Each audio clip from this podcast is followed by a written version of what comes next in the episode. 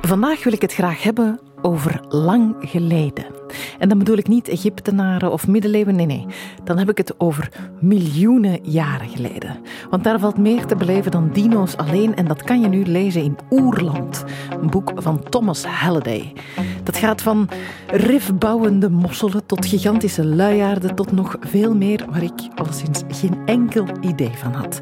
Maar wat ongelooflijk moet geweest zijn. Welkom in Voorproevers, de podcast. Ik ben Annelies Moons en ik ben blij dat je luistert.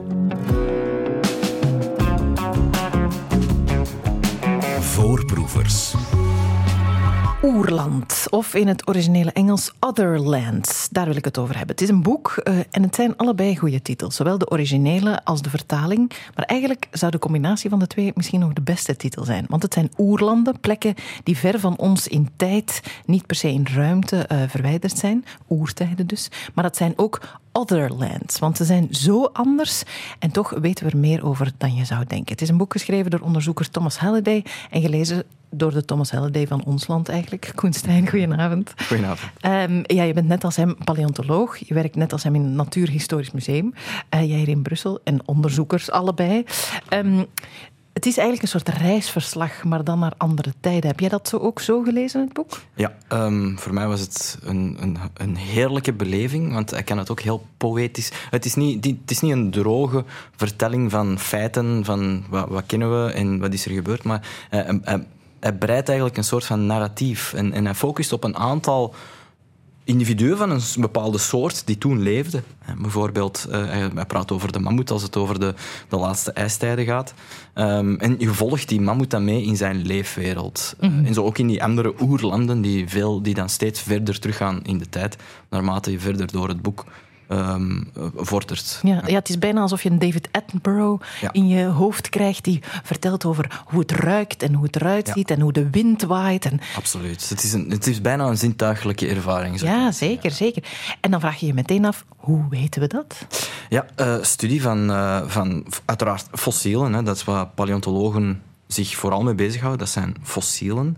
Um, en alles wat je kan afleiden uit hoe die fossielen eruit zien, dus over de anatomie, um, de structuren die we kunnen herkennen, al dan niet met het blote oog of met, met andere technieken, zoals uh, microscopen of, of, chemische analytische technieken.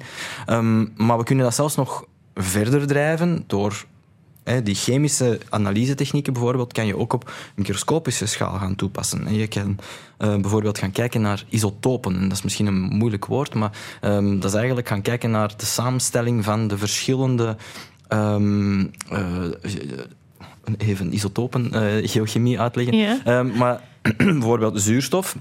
Het element zuurstof dat bestaat uit verschillende isotopen. Uh, je hebt zuurstof uh, 16, 18 en er is ook een van 17. Dat is het moleculaire gewicht van dat atoom.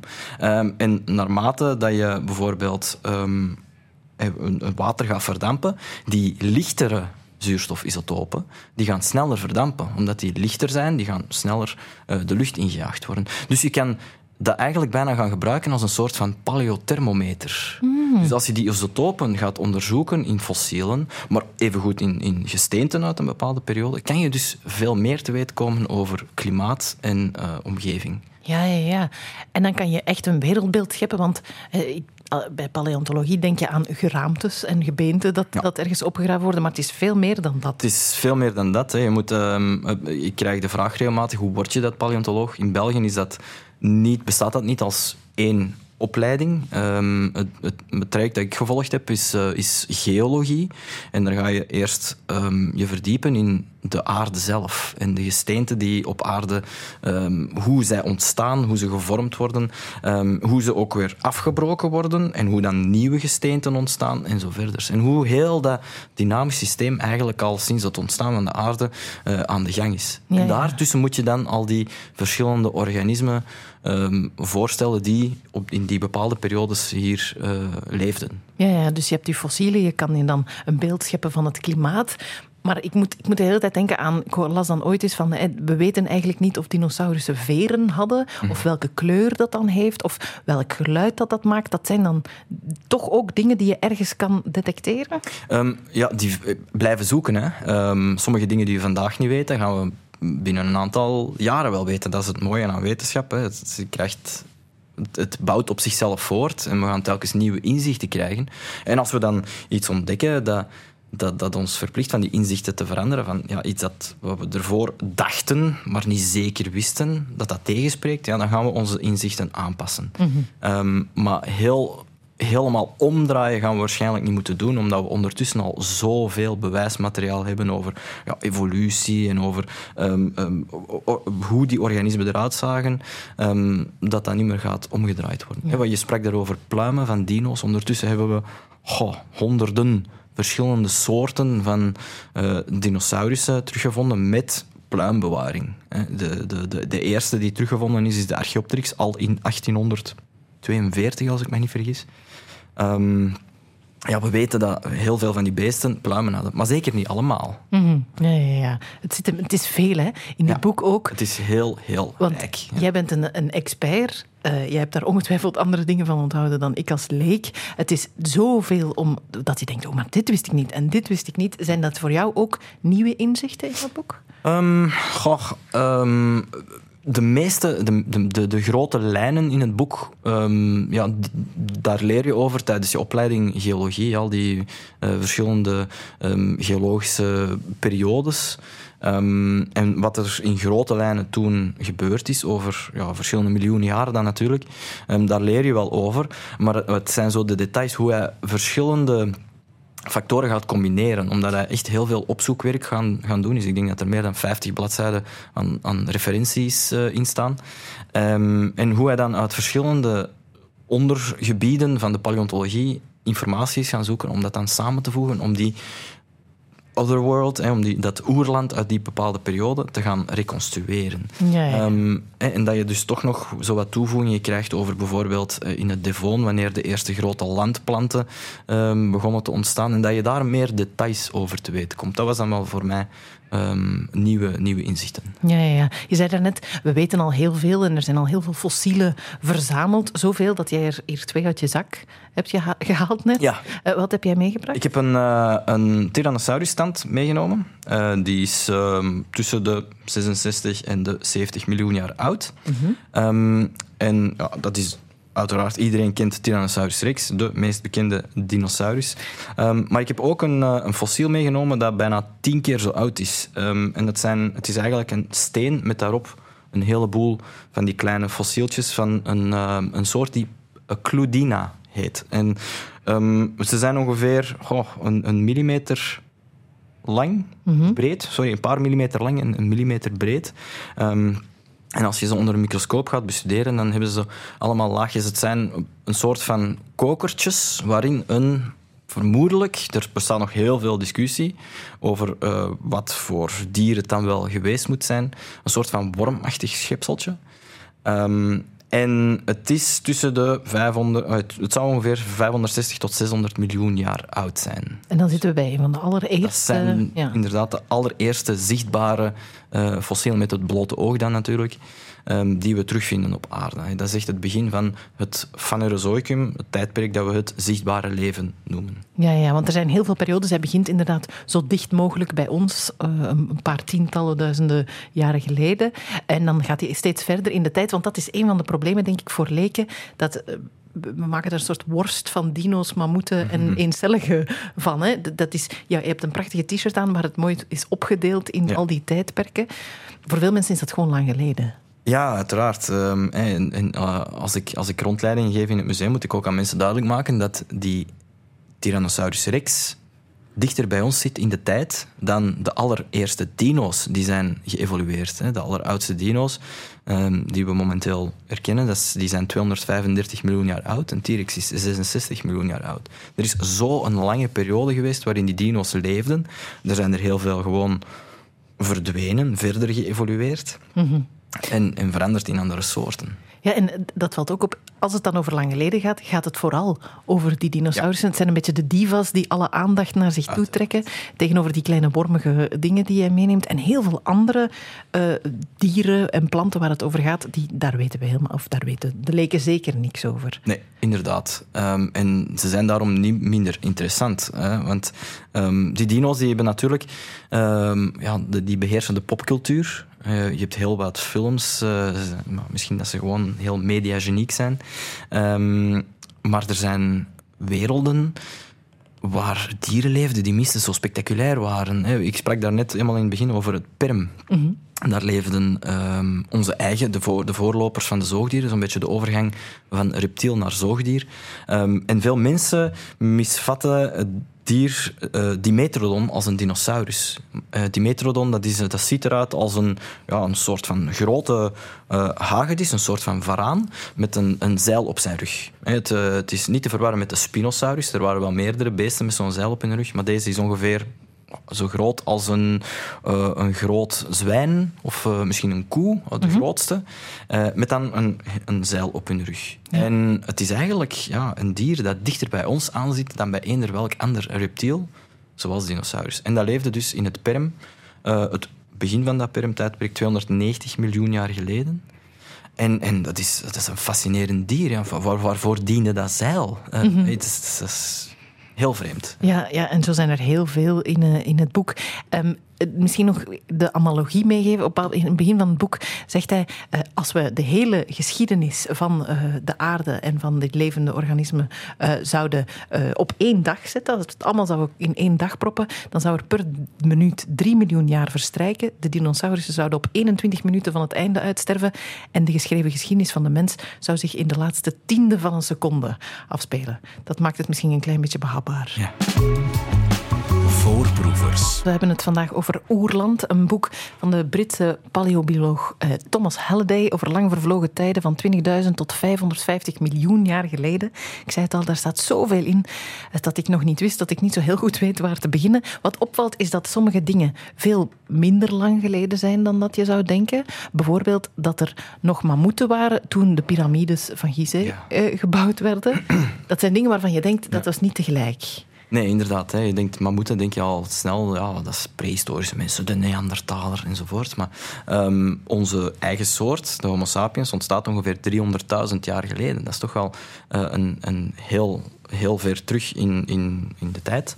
Um, terwijl er inderdaad in Europa dan Neandertalers rondlopen. Ze ontstaan ongeveer gelijkertijd, maar onze soort ontstaat eigenlijk in Noord-Afrika. Mm -hmm. En zij gaan dan uh, de gebieden waar toen Neandertalers leven, rond ongeveer 45.000 jaar geleden, um, veroveren. En de Neandertaler gaat dan 40.000 jaar terug uh, volledig verdwijnen. Of die dan gedood is geweest, dat is nog een, een, open vraag. Daar is nog veel onderzoek rond te doen.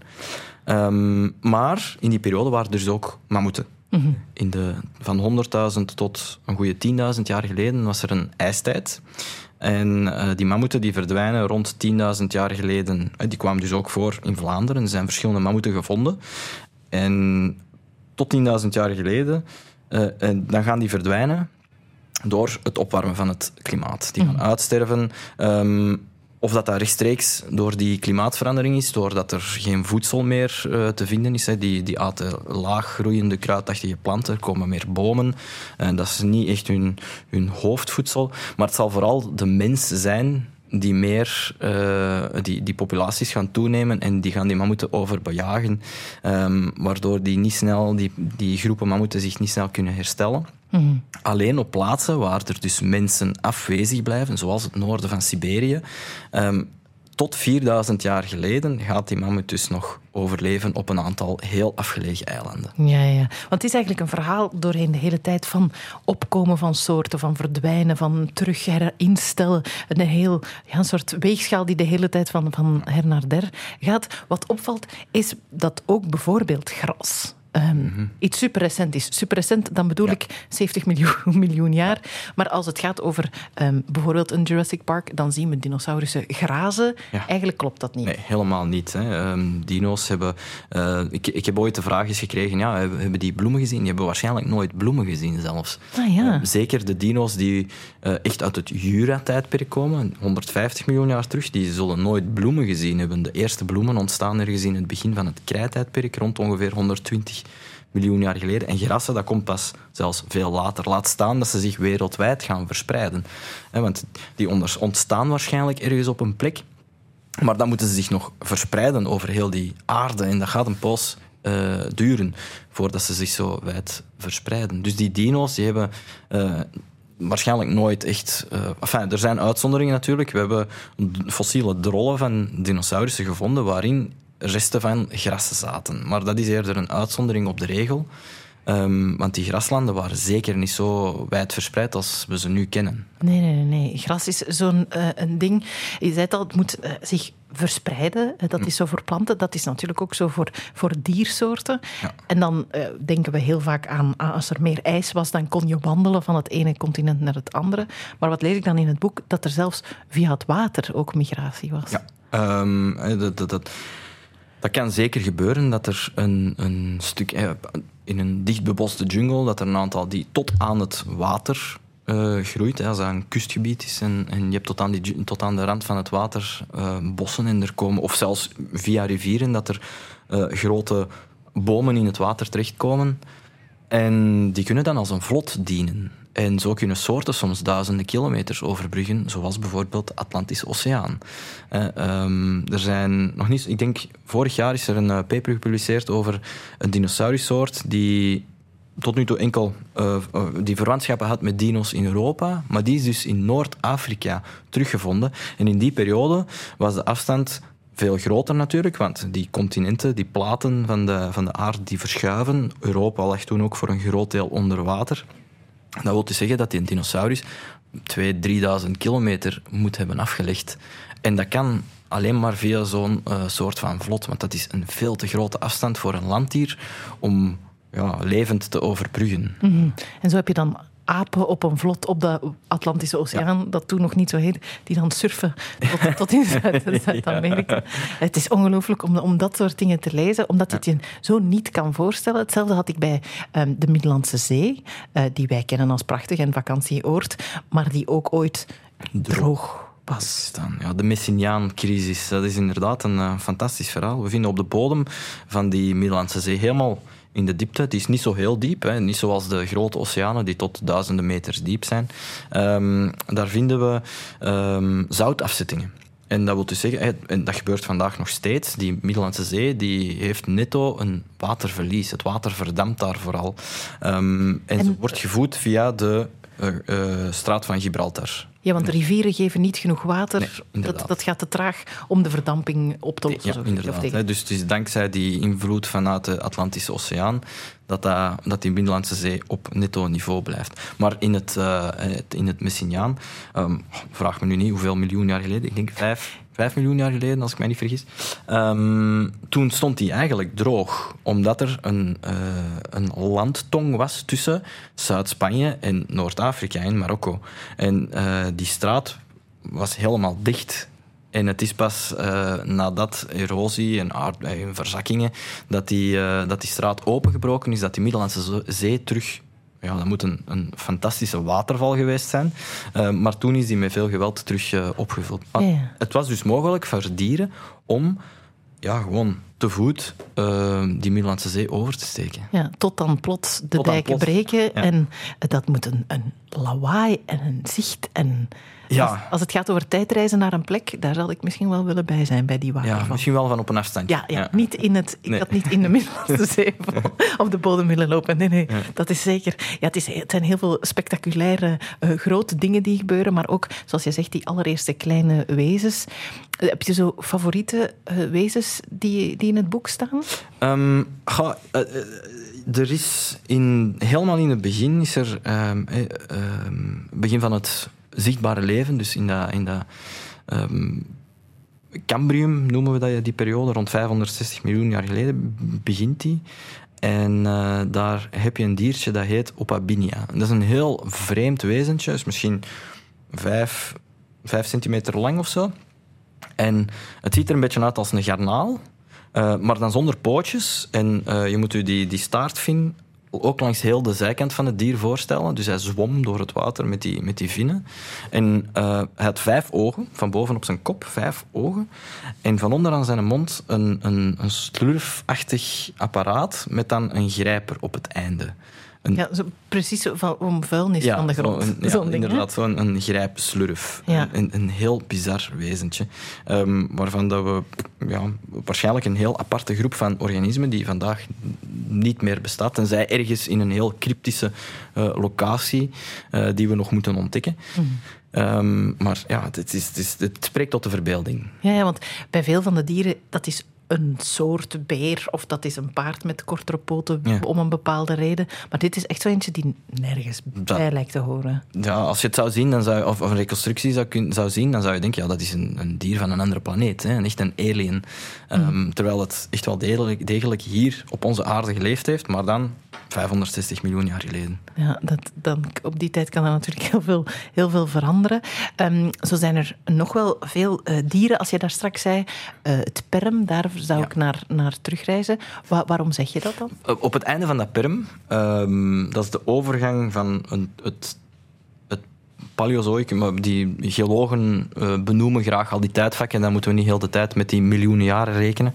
Uh, maar dat perm, uh, dat is een periode waarin ons, ja, on, onze, onze aarde er helemaal anders uitziet. Hè. Alle continenten liggen helemaal samen in een gigantische landmassa, Pangea. Mm -hmm. En um, je krijgt een, uh, een, een, klimaat dat een super hothouse is. Dus dat wil zeggen, alle, uh, er zijn heel veel habitats die gewoon heel, heel uitgedroogd zijn. Um, en er gebeurt op het einde van het perm een van de, misschien zelfs de grootste massa-extinctie die ooit heeft plaatsgevonden. En iedereen kent zeker de, de uh, uitsterven van de dino's. Dat was eigenlijk maar klein bier vergeleken met die massa-extinctie op het einde van het perm. En die um, gaat dieren zoals Dimetrodon en nazaten daarvan um, volledig doen verdwijnen. En er zijn maar een paar uh, een paar overblijvers die het dan wel gaan halen. Uh, opportunisten, laat ons uh, noemen, die dan uiteindelijk tot de zoogdieren gaan leiden. En door het verdwijnen van al die ja, zoogdierachtige reptielen komt de plek vrij voor die dino's. En, en dat gebeurt dus op het einde van dat perm. Het is eigenlijk, ja, ook de dino's zijn opportunisten geweest in hun, in hun tijd, uh, mm. als ik het zo mag zeggen. Ja. Um, en daar weten we eigenlijk nog niet zo heel veel over. Hè. We weten heel veel, zeker over die laatste dino's, T-Rex en, uh, en ook over de Jura-dino's, Brachiosaurus enzovoort. Uh, maar over die vroegere periodes, daar is nog heel veel over te ontdekken. Ja, ja dus een spannend domein om te onderzoeken en daar kijk jij dan op. Voorproevers met nog steeds bij mij paleontoloog Koen Stijn uh, over een andere paleontoloog en vooral het boek dat hij geschreven heeft, Oerland, van Thomas Halliday. En, uh, er, staat, er staat op het boek een reis door werelden die achter ons liggen en dat is wat hij doet. Een soort David Attenborough van, uh, van de oertijd. De oertijd mag ik dat dan eigenlijk zelfs zeggen? Ja, het zijn eigenlijk oertijden. Want we spreken uiteindelijk toch over meer dan 500 miljoen jaar aan tijd. En, en paleontologen, geologen en paleontologen gaan al die verschillende periodes um, die door bepaalde gebeurtenissen worden gekenmerkt ook afgrenzen Mhm. mm -hmm. en, en uh, een naam geven Ja. om gemakkelijker erover te kunnen communiceren. Ja, bijvoorbeeld perm. ken- het perm of het Jura. Eh, Iedereen kent Jurassic Park. Um, en dat is dan vernoemd naar het tijdperk het Jura. En die namen die zijn dan ook weer afkomstig van... Uh, heel vaak zijn die afkomstig van de plekken waar uh, de type gesteente uh, voor, um, voor, voor die tijd aanwezig zijn. Het Jura Mhm. mm -hmm. in, in, Frankrijk, de Jura, um, dat is na, naar die plek genoemd. Ja, ja, ja. Um, en bijvoorbeeld het Devon naar Devon, Devonshire in, uh, in Groot-Brittannië. En, en het Perm is dan een locatie in Rusland en zo heb je plekken over heel de wereld. En zo kan je die iets beter onthouden, want ik moet zeggen, voor de rest zijn er veel oceanen en die ik... want er staan wel, voor, voor mij um, is dit wel een super dens boek. Ik, ik, moet hier heel veel tijd mee doorbrengen om, om dingen te onthouden. Behalve in het laatste hoofdstuk, want daar gaat het over nu. Het. Eerst denk je, dat is wat gek, wat gek. Het gaat over 500 miljoen jaar geleden. En nu gaan we naar de toekomst eigenlijk. Want hij reflecteert op wat kunnen we leren eh, uit al die oertijden. Ja, Klopt, hè? Kunnen we veel leren? We kunnen enorm veel leren. Hè. Um, ik denk de, de, de kernboodschap uh, die hij probeert over te brengen is dat niet permanent is. En dat de aarde een heel dynamisch uh, uh, geheel is, waar zelfs de, de, de continenten, de, de, de platen die wij kennen, hè, de, de Afrika, Europa en zo, dat, dat dat eigenlijk ook niet permanent is. En dat, dat geeft dan miljoenen jaren tijd en dat gaat er helemaal anders uitzien. Mm -hmm. en, en dat is eigenlijk ook de onderliggende motor van um, alle dynamische processen die we voor de rest ook waarnemen op onze aarde, zoals uh, ja, uitsterven. Hè. Als er continenten gaan openscheuren of platen gaan openscheuren, kunnen daar enorm veel vulkanische gassen vrijkomen, dat ook een massa-extinctie teweeg kan brengen. Zoals bijvoorbeeld op het einde van het Perm. Mm -hmm. um, ja. En, ja, zeg maar. Ja, en, en ik, ik, ik denk dat dat eigenlijk de, de kernboodschap is die je probeert door te brengen. Hè. Dat er niks permanent kan, kan zijn. Nee, nee, nee. En toch uh, geeft hij ook wel de boodschap van we kunnen hier ook wel uit leren uh, wat de klimaatverandering die nu bezig is. Want vaak als het over klimaatverandering gaat, dan uh, zeggen sommige mensen van ah, dat valt toch wel mee, want in de, vroeger is dat heel vaak gebeurd en dan waren wij er nog niet. Ja, maar vergeet niet dat elke drastische klimaatverandering uh, die heeft plaatsgevonden, of toch liever, laat me het andersom zeggen, um, elke massa-extinctie die in het verleden heeft plaatsgevonden, ging gepaard met een klimaatverandering. He, dat er een hele plotse omwenteling is van wereldwijde klimaten. Um, dat, dat de, de, de, de, verschillende organismen die dat in, in die verschillende omgevingen leven, gewoon niet kunnen volgen. Eh, ten gevolge van um, bijvoorbeeld te veel CO2 in de oceaan, waardoor dat de oceaan gaat proberen dat CO2 te absorberen.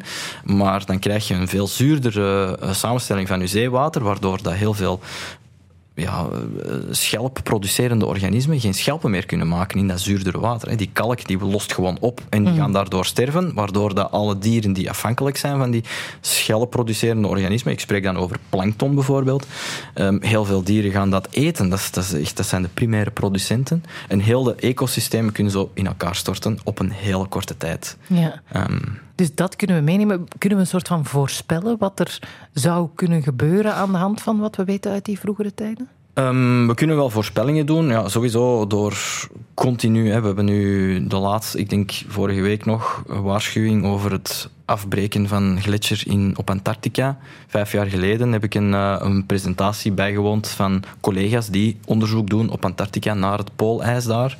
En die zeiden, ja, maar het ijs op Antarctica is niet aan het afsmelten. Dat is het nu wel aan het doen. Mm. Um, dus het kan soms heel snel in, in een versnelling terechtkomen. En, um, en dat er effecten zijn waar we voordien geen rekening mee, omdat het zo'n complex geheel is, uh, dat er effecten zijn waar we voordien niet mee rekening hebben gehouden. Uh, uh, Alan Grant, uh, niet Alan Grant, maar Ian Malcolm in, uh, in Jurassic Park waarschuwt ons er eigenlijk ook al voor. Um, door bedenken dat we controle hebben over de dingen, maar eigenlijk hebben we er totaal geen controle over. Dat is een illusie. Um, een illusie die we koesteren, maar we moeten onszelf daar, ja, we moeten onszelf geen, geen doekjes wijsmaken dat we daar totaal geen controle over hebben. Maar wil dat dan zeggen dat we niets moeten doen? Nee, uh, zeker niet. En ik denk dat hij dat ook heel goed uh, uh, naar voren brengt in, in het boek. De, hoop is iets heel krachtig. Um, we moeten, actie, we, moeten niet bij de pakken neerzitten. Hè. We moeten proberen zo, zo, snel mogelijk actie te ondernemen. Het probleem is natuurlijk dat je um, een, iets complex als een maatschappij iedereen in dezelfde richting moet doen kijken. En, en er zijn heel veel verschillende meningen. Um, en als er dan actie moet genomen worden, moet er met zoveel zaken rekening gehouden worden. Mm. En dat is natuurlijk niet gemakkelijk. Nee, ja. dat is een ecosysteem op, dat op is. Een ecosysteem ja. op zich, ja. Ik hoor jou net het woord hoop zeggen. Misschien moeten we met iets hoopgevend uh, eindigen. Want het gaat op dat moment ook over de koraalriffen. Als het ja. gaat over vroege symptomen van die klimaatverandering nu, dan gaat het over die koraalriffen die afsterven en die krimpen.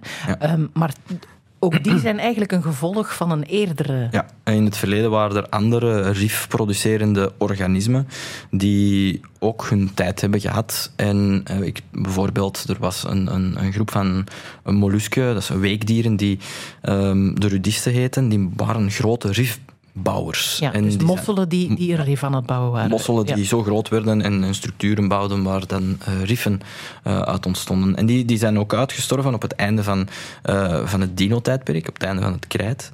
Ehm, en dan zijn andere organismen, zoals bijvoorbeeld koralen, die functie na verloop van tijd gaan overnemen. Maar dat duurt natuurlijk eventjes. Hè. We spraken over evolutie en dan verspreiding. eh, Voordat, dat, kan, dat kan duizenden jaren op zich laten wachten. Eh, Op geologische tijdschaal is dat iets van niks.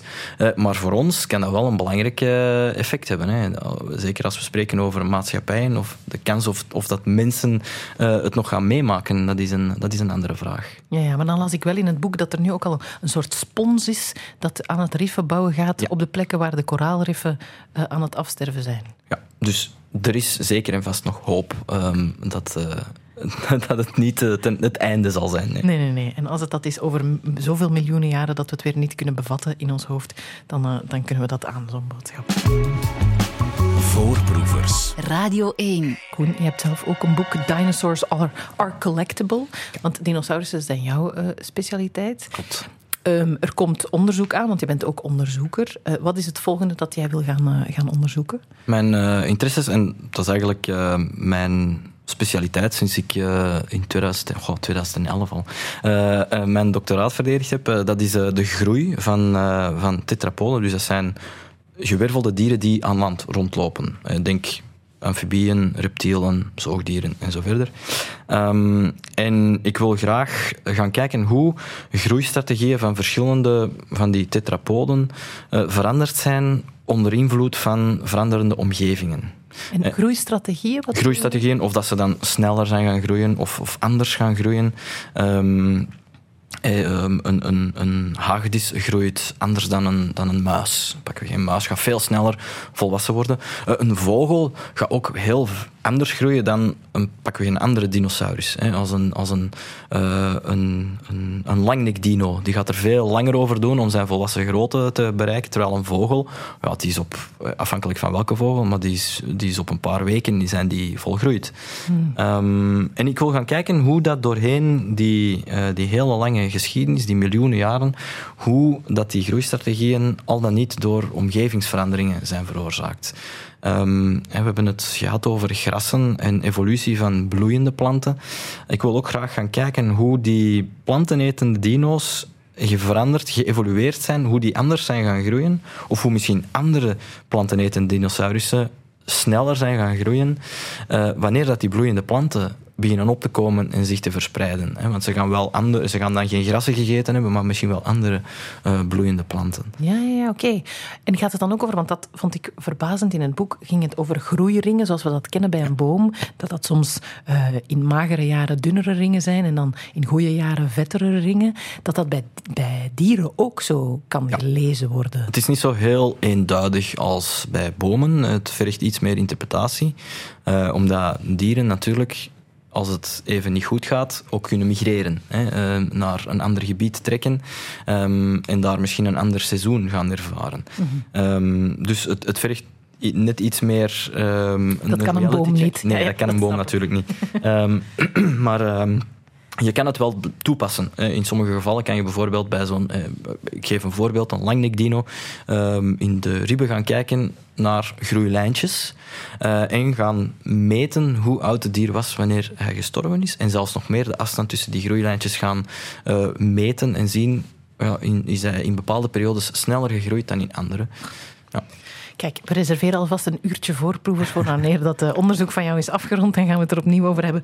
Er, eindeloos kan er over gepraat worden. Oerland heet het boek van eh, Thomas Halliday. Ehm, ik wil het niet te veel over kerstcadeaus hebben, maar dit lijkt mij eentje dat veel mensen eh, graag zullen lezen. En dan Dinosaurs Are Collectible. Dan heb je een mooi pakketje voor onder die boom. Dat is jouw boek, Koen Stijn. Dank je wel om ons mee te nemen in, eh, in Oerland. Ehm, en succes met, met je onderzoek. Zeer veel dank. Voorproevers. Voorproevers, de podcast over Oerland van Thomas Halliday met Koen Stijn en mezelf, Annelies Moons. Blij dat we weer een stukje van je dag mochten zijn. Als je nog wat stukjes wil, ze liggen voor het oprapen op VRT Max. Voorproevers.